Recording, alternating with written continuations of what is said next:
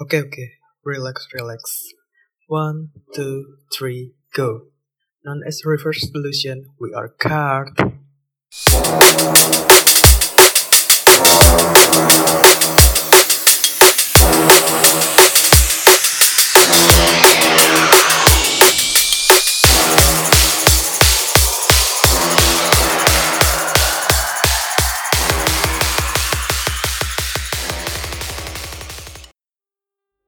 Hey guys, welcome to Card Radio, the all new radio podcast that we call Radio Pod. Perkenalkan, saya Narus dan kali ini ada yang berbeda dari episode Radio Pod nih. Di mana saya tidak ikut berdiskusi, namun teman kita Linda sudah menyiapkan materi yang menarik serta dengan narasumber yang kompeten di bidangnya. Gimana ya kira-kira perbincangan mereka? Let's check it out. Hello everyone, we welcome you to the Card Radio, the all new radio and podcast that we call Radio Pod. Di episode kali ini, kita akan berdiskusi tentang sebuah topik yang sebenarnya udah lama tenggelam banget sih, tapi muncul lagi ke, ke permukaan sekitar mungkin beberapa bulan yang lalu. Soalnya Netflix, salah satu platform streaming terbesar di dunia, itu ngerilis sebuah dokumenter series yang bercerita tentang seseorang yang bernama Luka Rocco Magnotta. Buat yang belum tahu, Luka, sorry, buat yang belum tahu, Luka Rocco Magnotta, Luka Magnotta adalah seorang yang sempat mendadak viral sekitar 10 tahun yang lalu. Semua bermula ketika ia memposting video anonim dirinya menyiksa kucing dan menyebarkannya di internet. Netizen yang melihat video itu merasa kesel, itu geram, dan benar-benar mengutuk perbuatan tersebut. Gitu. Bahkan sempat dibikin sebuah grup Facebook yang bertugas dalam tanda kutip bertugas mencari si Luka Roko Manyota ini karena pas awal dia pertama kali merilis video itu merilis video penyiksaan kucing itu dia masih dalam kondisi anonim. Nah sampai pada puncaknya si luka rokok luka rokok manyata ini yang mendapat perhatian banyak orang akhirnya itu malah bukan sekedar kucing lagi yang jadi targetnya itu manusia. Dan pada setelah beberapa lama itu eh, apa ya? Uh, pada suatu waktu di eh, akhirnya dia membunuh serta memutilasi salah, salah seseorang yang dia kenal lewat lewat um, situs dating online di mana tubuh dari korbannya yaitu yang bernama Linju yang mutilasi serta potongan-potongan tubuhnya ia sebarkan ke beberapa tempat pendidikan kali ini di situasi yang agak berbeda karena biasanya aku yang jadi narasumber atau yang menanggapi aku ditemenin salah satu teman yang aku ditemenin salah, sama salah satu teman aku yang juga tertarik sama kisah luka manyata ini. Mungkin bisa memperkenalkan.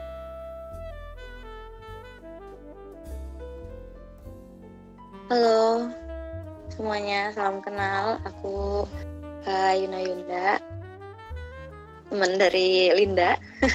uh, hari ini bakal jadi narasumber, mungkin akan ngebahas sedikit uh, dari sisi psikologis karena kebetulan saya juga uh, baru saja menyelesaikan studi di uh, major jurusan psikologi. Nah, dalam beberapa menit ke depan kita berdua akan bahas seputar kisah yang sempat uh, jadi viral mungkin di seluruh dunia. Ya, tapi yang pasti di, di seluruh Eropa dan daratan Amerika. Tentang si luka manyota ini dari segi orang awam kayak aku atau sampai sisi ilmiahnya mungkin yang akan ulas sedikit sama Ina. Dan semoga ini bisa jadi ilmu baru serta tontonan baru. Ya, kalau dari Ina sendiri, uh, punya peliharaan kucing nggak di kosan? Baru-baru uh, ini sih aku melihara kucing di rumah. Jadi uh, ketika apa ya, memang dari dulu aku uh, suka melihara binatang apa pun itu, baik itu uh, terkadang suka ngeliat anjing, kucing atau apa pun itu bentuk hewan yang lainnya. Makanya ketika uh, aku juga menyaksikan film itu yang terkait dengan Luka Roka Manyota ini berasa kayak kok jahat banget ya? Maksudnya menyiksa hewan yang secara tidak langsung tuh tidak memiliki salah ataupun dosa terhadap manusia gitu. Maksudnya tidak sampai mencelakakan atau gimana. Terus sampai kayak ya di dalam film itu kan kita lihat sendiri kan dia tuh sampai divakum kucing-kucingnya tuh sampai kayak udah nggak bisa bernafas yang ada yang ditenggeli eh, ditenggelamin ada juga yang sampai apa ya sampai dimakan sama ular piton juga ada yang ditembak juga. Uh, sebenarnya sih itu benar-benar udah parah banget sangat maksudnya kayak animal abuse yang sudah sangat keterlaluan. Karena uh, membuat binatangnya itu sampai mati dan entah aku mungkin merasa bahwa dia mendapatkan apa ya kepuasan dari hal itu gitu. Dan ketika aku nonton film ini kok jahat ya gitu. Apalagi sebagai seseorang yang pecinta binatang kayak yang pun kok sedih banget gitu ngelihatnya kayak gitu sih paling kalau misalnya uh, ngeliat kucing atau hewan berasa kayak mereka apa ya tidak melakukan dosa apa pun gitu tidak sebrutal manusia tapi ternyata manusia lebih brutal daripada gitu sih. Ya uh, ya sih nah itu aku juga penasaran kan pas rilis di Netflix gitu kan. Nah apa mm -hmm. sih? Aku juga nggak tahu awalnya tuh uh, don't act with cats gitu. Nah, aku nggak tahu tentang apa tapi pas lihat trailernya oh gini jadi jadi mm -hmm. ternyata gelap. Ternyata gelap juga gitu. Pas. Dan dan dia termasuk parah juga kok bisa bisanya seorang manusia punya pemikiran untuk menyiksa hewan secara spesifik ya dengan cara tertentu. Dari yang mulai masukin ke plastik tidak udara terus di di vacuum cleaner plastiknya terus sampai ada yang disediain dijadiin mangsa buat ular. Ada yang sampai ditegelami di di di shower di petak gitu kan dari situ penasaran juga gitu. Uh, bukan penasaran dalam arti oh uh, apa ya bisa gitu. Uh, ternyata ada gitu loh manusia yang bisa sekejam itu sama hewan gitu kan ternyata di dokumenter Netflix itu ternyata di dibahas secara mendalam gitu loh. Reaksi orang-orang reaksi netizen di sana tuh uh, keselnya tuh kayak gimana bahkan sampai berusaha mencari gitu walaupun ternyata jadi dua orang gitu kan. Karena si luka si luka manyatanya ini ternyata seneng banget akan atau haus perhatian gitu kan. Mm -hmm.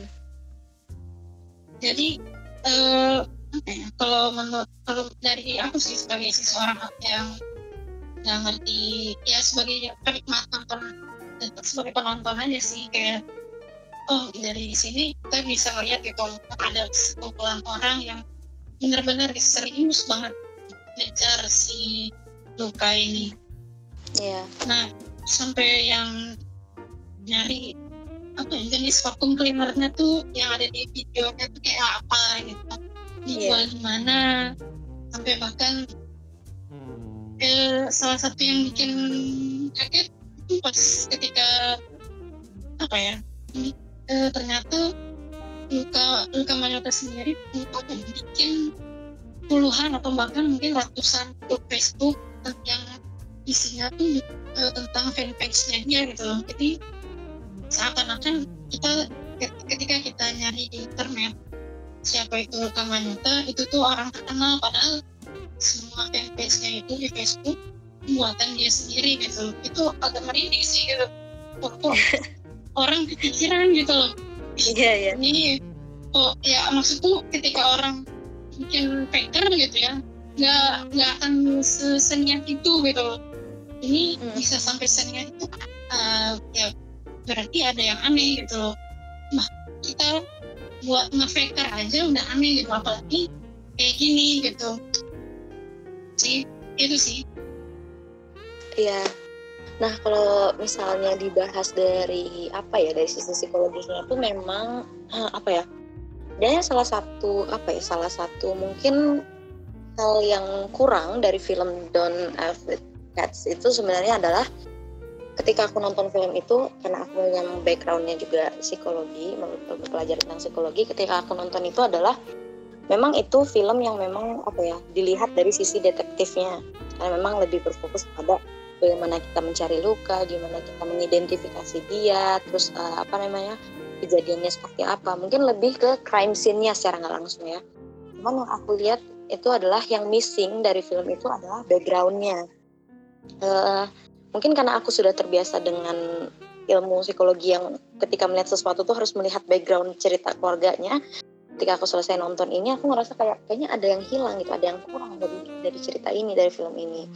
Makanya uh, aku sebenarnya cukup penasaran karena nggak mungkin maksudnya gimana uh, suatu gangguan uh, personality atau kepribadian seseorang itu uh, kemungkinan terdapat dari dua faktor yaitu yang pertama adalah dari genetik dan juga dari lingkungan.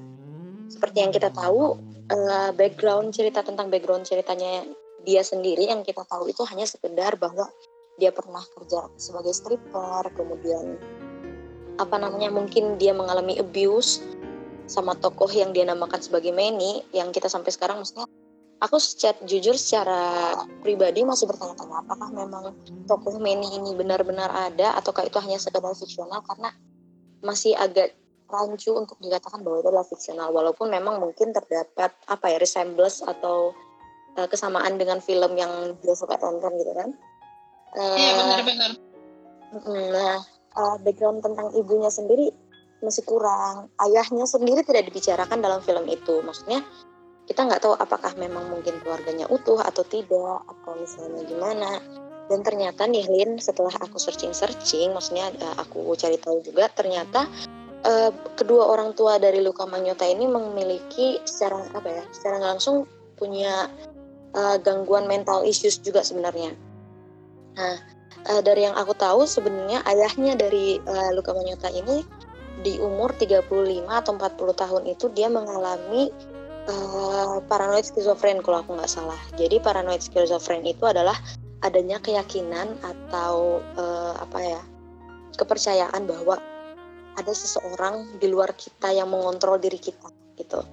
Nah itu yang dialami oleh ayahnya uh, Luka Manyota ini. Nah ternyata uh, ayahnya juga kayak gitu jadi apa ya para uh, ayahnya tuh ngerasa kalau ada yang kontrol dia dia dengar dengar suara ada yang selalu mengawasi dia atau seperti apa dan ternyata ibunya adalah uh, orang yang uh, apa ya punya memiliki germ germofobia lah germofobia jadi punya fobia terhadap kuman bakteri jadi sangat mencintai kebersihan nah kedua faktor itu sangat berpengaruh kepada luka. Jadi kemungkinan ada faktor genetik juga yang membuat kenapa sampai luka bisa melakukan hal seperti itu.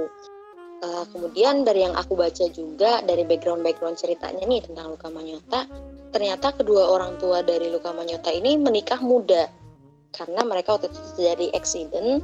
Uh, Luka uh, ibunya Luka Manyota waktu itu umurnya 16 tahun, ayahnya saya kurang hafal umurnya berapa.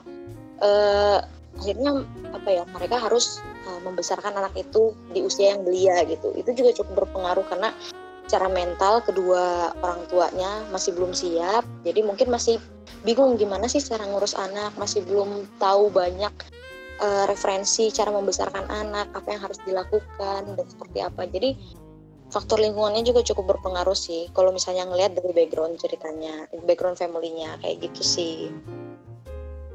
Nah, itu kan tadi seperti kamu sebut juga kan, kata ayahnya tuh punya gangguan tentang kayak ada orang yang apa merasa dibisiki oleh sesuatu gitu. Mm-hmm. Tapi kalau ayahnya itu kan eh, apakah itu udah eh, kalau ayahnya berarti emang udah di positif terdiagnosa itu kan ya? Iya ya, secara positif terdiagnosis itu. Nah kalau luka tanya kan kalau kalau yang kita tangkap bener masih belum terdiagnosa itu atau emang udah udah pasti? Nah untuk luka manyota sendiri uh, sebenarnya gini aku dari tadi juga udah ngelakuin background searching juga sebenarnya tentang uh, diagnosa dari luka manyota sendiri karena aku jujur masih belum di, belum berada di tahap di mana aku bisa apa ya namanya bisa mengidentifikasi atau secara nggak langsung mengklasifikasikan seseorang atau sebagai uh, apa namanya uh, gangguan tertentu gitu ya. Cuman memang aku udah melakukan background check dan ternyata udah ada uh, testimoni diagnosis dari beberapa dokter. Oh, dan okay, okay. beberapa di antaranya dan beberapa di antaranya tuh uh, dari dokter Roy, dokter Paris ada kurang lebih sekitar enam dokter yang mengatakan bahwa sebagian besar adalah borderline personality, histrionic personality disorder, antisosial, narsistik seperti yang di film itu juga disampaikan ya, narsistik sangat ditekankan. Uh, ada juga skizofrenia uh, dari tapi di antara beberapa uh, psikologi yang uh, apa psikolog yang mengidentifikasi penyakit dari penyakit bukan penyakit gangguan dari luka manyota ini aku paling setuju sama uh, pendapat dari Dr. Chamberlain. Jadi Dr. Chamberlain ini mengatakan bahwa sebenarnya luka manyota itu uh, tidak spesifik mengalami gangguan uh, kepribadian tertentu sebenarnya uh, gangguan kepribadian itu terbagi menjadi tiga klaster. Nah, ada klaster A, klaster B, dan klaster C. Untuk klaster A itu untuk yang eksentrik atau yang um, apa ya eksentrik atau misalnya terkesan aneh gitu, kayak yang paranoid, skizofren, skizoid yang kayak gitu. Untuk yang klaster B itu adalah perilaku yang over atau dramatik atau emosional. Dan untuk klaster C untuk yang uh, selalu muncul apa ya, selalu muncul di di permukaan sebagai seseorang yang penakut, pencemas, dan yang aku lihat adalah luka manyonta ini masuk ke klaster B. Nah, dari pendapat dokter uh, Chamberlain juga mengatakan bahwa dia tuh gabungan dari seluruh klaster B, bukan seluruh klaster B sih. To be precise adalah klaster B yang di mana di dalamnya itu ada antisosial, ada histrionik, ada narsistik, dan juga ada borderline. Jadi dia nggak spesifik ke satu. Kenapa bisa dibilang kayak gitu? Karena di masing-masing diagnosis itu dia punya simptomnya gitu. Kayak gitu untuk detailnya nih antisocial personality disorder itu apa, terus kemudian borderline personality apa dan lain sebagainya, aku bakal jelasin secara singkat. Uh, untuk antisocial personality disorder itu uh, lebih ke arah uh, keinginan biasanya sih apa ya, uh, tipikal individu yang uh, senang melakukan apa simptomnya ya, simptomnya tuh individu yang uh, sering, sering melanggar aturan, melanggar norma, kemudian uh, apa namanya terkadang juga mereka apa uh, seneng apa ya senang menyiksa hewan, menyiksa manusia juga. Uh, kalau misalnya simptom secara garis besarnya sering bolos sekolah atau kabur dari rumah, uh, menyukai kekerasan secara fisik, menggunakan uh, benda tajam atau misalnya senjata atau weapons atau apa pun itu menyukai sexual activities dan lain sebagainya dari yang antisocial personality disorder ini salah satu contohnya yang uh, kita tahu adalah Ted, uh, Ted Bundy. Ted Bundy itu memang sudah terklasifikasi mendapat apa ya memiliki antisocial personality disorder. Kenapa kita bisa bilang luka manyota ini apa namanya masuk ke dalam antisocial personality disorder? Karena salah satu simptomnya yaitu dia menyukai uh, suka apa ya secara fisik menyakiti hewan dan juga manusia seperti yang kita lihat di film itu gitu kan. Nah untuk yang borderline-nya nih uh, lanjut ke borderline-nya itu borderline personality disorder itu dia lebih ke merasa adanya kehampaan dalam diri, kurangnya stabil dalam self image atau misalnya uh, gambaran terhadap dirinya sendiri, kemudian memiliki hubungan yang tidak stabil baik itu dengan lawan jenis ataupun dengan teman atau mungkin dengan keluarga mengalami perubahan mood yang ekstrim atau dramatis kemudian impulsif menarik diri dari lingkungannya. Uh, yang kita lihat sih di film itu borderline contohnya ya itu yang kita lihat dia tuh sangat apa ya punya self image yang tidak stabil tuh seperti kayak di satu sisi dia merasa bahwa dirinya itu seorang yang apa ya ganteng tampan yang cocok bisa menjadi seorang aktor gitu kan tapi ternyata kenyataannya tidak seperti itu dan itu menciptakan self image yang tidak jelas gitu mungkin dia juga terkadang merasa hampa mungkin itu salah satu juga kenapa dia kayak sering apa ya uh, ada melakukan dating application apa dating dating melalui aplikasi gitu atau website Iya, gitu. nyari nyari teman kencan. Nyari teman kencannya itu itu juga sebagai salah satu uh, apa namanya uh, tanda. Kemudian histrionic personality disorder. Nah, histrionic personality disorder ini beda hampir mirip-mirip sama narsistik. Uh, di mana histrionik tuh dia kayak sangat menginginkan menjadi pusat perhatian. Nah, ingin sekali menjadi seorang aktor. Nah, kalau yang aku lihat dari histrionik ini udah jelas dipaparkannya di video itu dan uh, fakta yang aku suka juga dalam film itu yang untungnya dipaparkan adalah fakta di mana memang dia dari kecil itu suka nonton film-film film-film zaman dulu gitu kan yang kayak American Psycho kemudian yang lain-lain sebagainya gitu. Casablanca, iya, Casablanca. bener. dan eh, apa namanya yang aku lihat sih eh, melalui background checknya juga ini cukup apa ya cukup berkaitan di mana ayahnya itu kan dan ibunya sudah bercerai kan. Kemudian kalau nggak salah dia tuh dibesarkan sama neneknya. Jadi memang eh, apa ya punya hubungan yang hubungan hubungan keluarga yang tidak stabil dan kurang kurang baik gitu. Dan ketika kita lihat dia tuh membutuhkan seorang sosok laki-laki di mana dalam hal ini sebagai figur ayah yang di mana ternyata spot itu kosong. Ayahnya nggak nggak menempati spot itu. Sehingga dia berusaha untuk mencari gambar apa ya mencari seperti apa sih sosok pria yang tepat menurut dia gitu. Nah karena dia suka nonton film itu jadi aku berpikir ini aku diagnosa sendiri ya entah itu benar atau salah cuman aku merasa bahwa uh, image yang dia ciptakan saat itu. Maksudnya dia sebagai pembunuh terus apa namanya uh, ingin tampil di apa namanya di film apa segala macam. Seolah-olah dia menjadi seorang aktor dalam filmnya sendiri gitu kan. Itu karena dia merasa menemukan sosok image itu di film gitu. Makanya terkadang ada yang kayak oh ini mirip sama film ini ini mirip sama film ini. Karena dia memang kehilangan sosok lelaki dan rata-rata memang apa namanya yang dia kagumi yang memang laki-laki dan tipikal yang serial killer kayak gitu. Kalau narsistik ya tahu sendiri lah ya udah gak usah dijelasin lagi. Narsistik udah jelas banget di mana dia selalu dia bahkan kayak yang kamu bilang tadi kan dia bikin akun fanpage fan, fanpage untuk dia sendiri. Terus dia upload upload foto-foto dia sendiri yang mungkin menurut dia tampil gagah atau ganteng gitu kan. Ya itu sih. Jadi aku sangat menyetujui pendapat dari dokter Giles Chamberlain terkait dengan diagnosa dari uh, Luka Manyota kalau ternyata dia itu adalah uh, gabungan dari berbagai personality disorder. Kayak gitu sih. Kalau ini kan ya tuh udah kita jelasin gitu. Uh, bahwa si Luka ini senang banget nonton film kayak contohnya kayak uh, Basic Instinct terus ada Casablanca.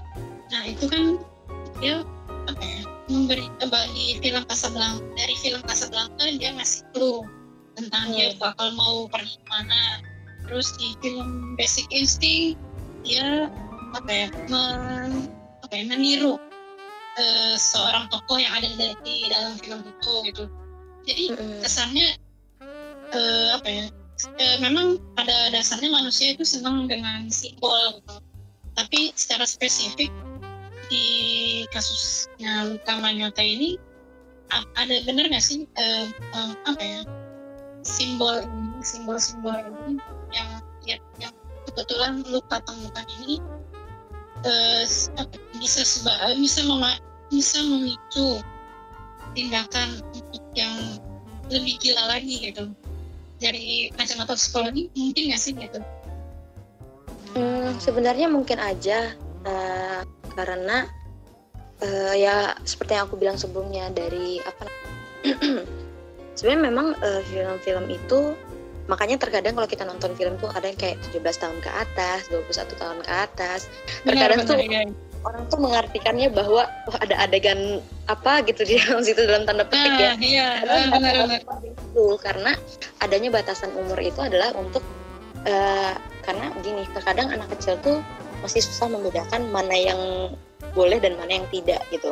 Terkadang ada juga anak yang masih kayak kayak oh ini bagus nih. Wah aku dia keren ya seperti ini. Karena terkadang film itu uh, membuat tokoh pembunuh tuh menjadi terkesan kayak keren demi menaikkan rating film terkadang gitu. Maksudnya kayak terkadang membuat kayak wah keren nih dia kayak gini kayak gini kayak gini walaupun dia pembunuh gitu. Terkadang mencari sisi entertainnya gitu kan. Nah itu yang terkadang uh, luput dari uh, uh, orang-orang awam gitu. Maksudnya adanya batasan umur adalah itu. Uh, selain itu juga uh, butuh pengawasan dari orang tua sih. Seperti yang kita tahu juga uh, apa namanya Luka Manyota ini kan apa namanya dia tuh uh, pengawasan orang tuanya tuh sangat sangat kurang banget.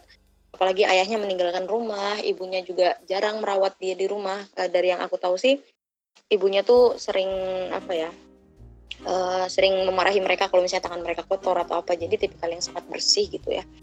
Uh, jadi memang dan ibunya juga tahu kalau dia suka film-film seperti itu. Walaupun memang aku juga kurang paham sejak kapan dia menonton film-film itu tapi mungkin adanya kurang kurangnya pengawasan dari orang tua gitu. Karena kan seperti yang kita tahu salah satu film yang dia mendapatkan tokoh Manny ini aku lupa judulnya.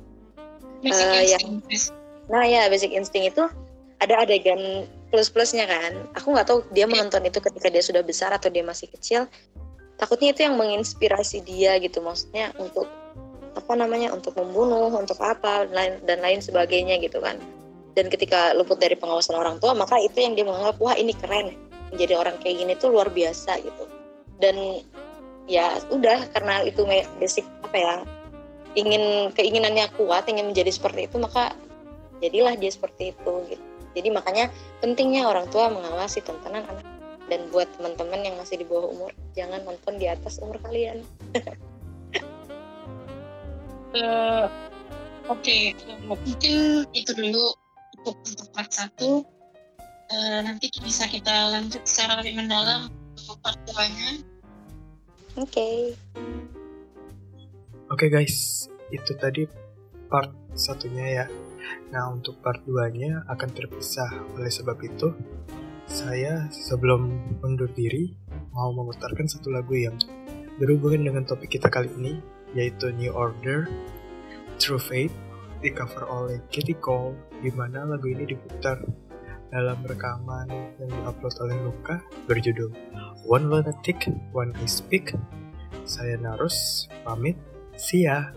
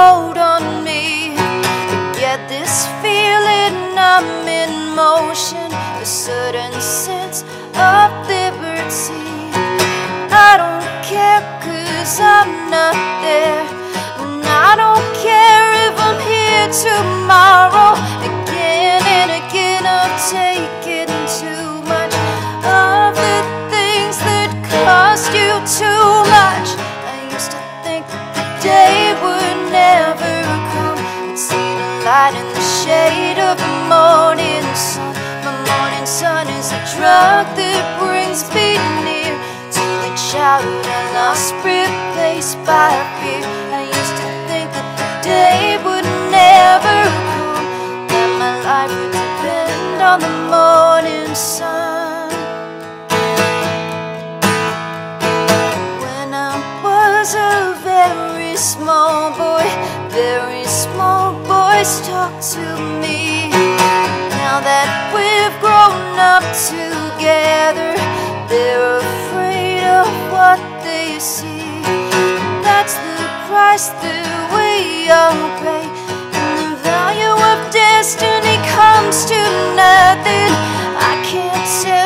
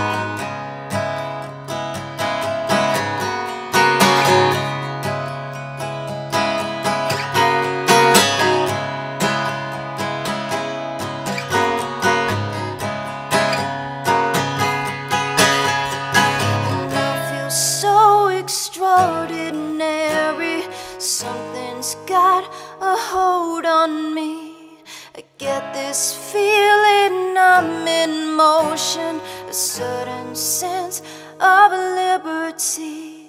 The chances are we've gone too far. You took my time and you took my money.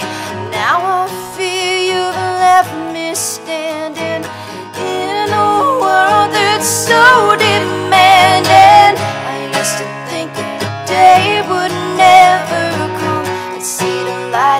Shade of the morning sun. The morning sun is a drug that brings me near to the childhood I lost, replaced by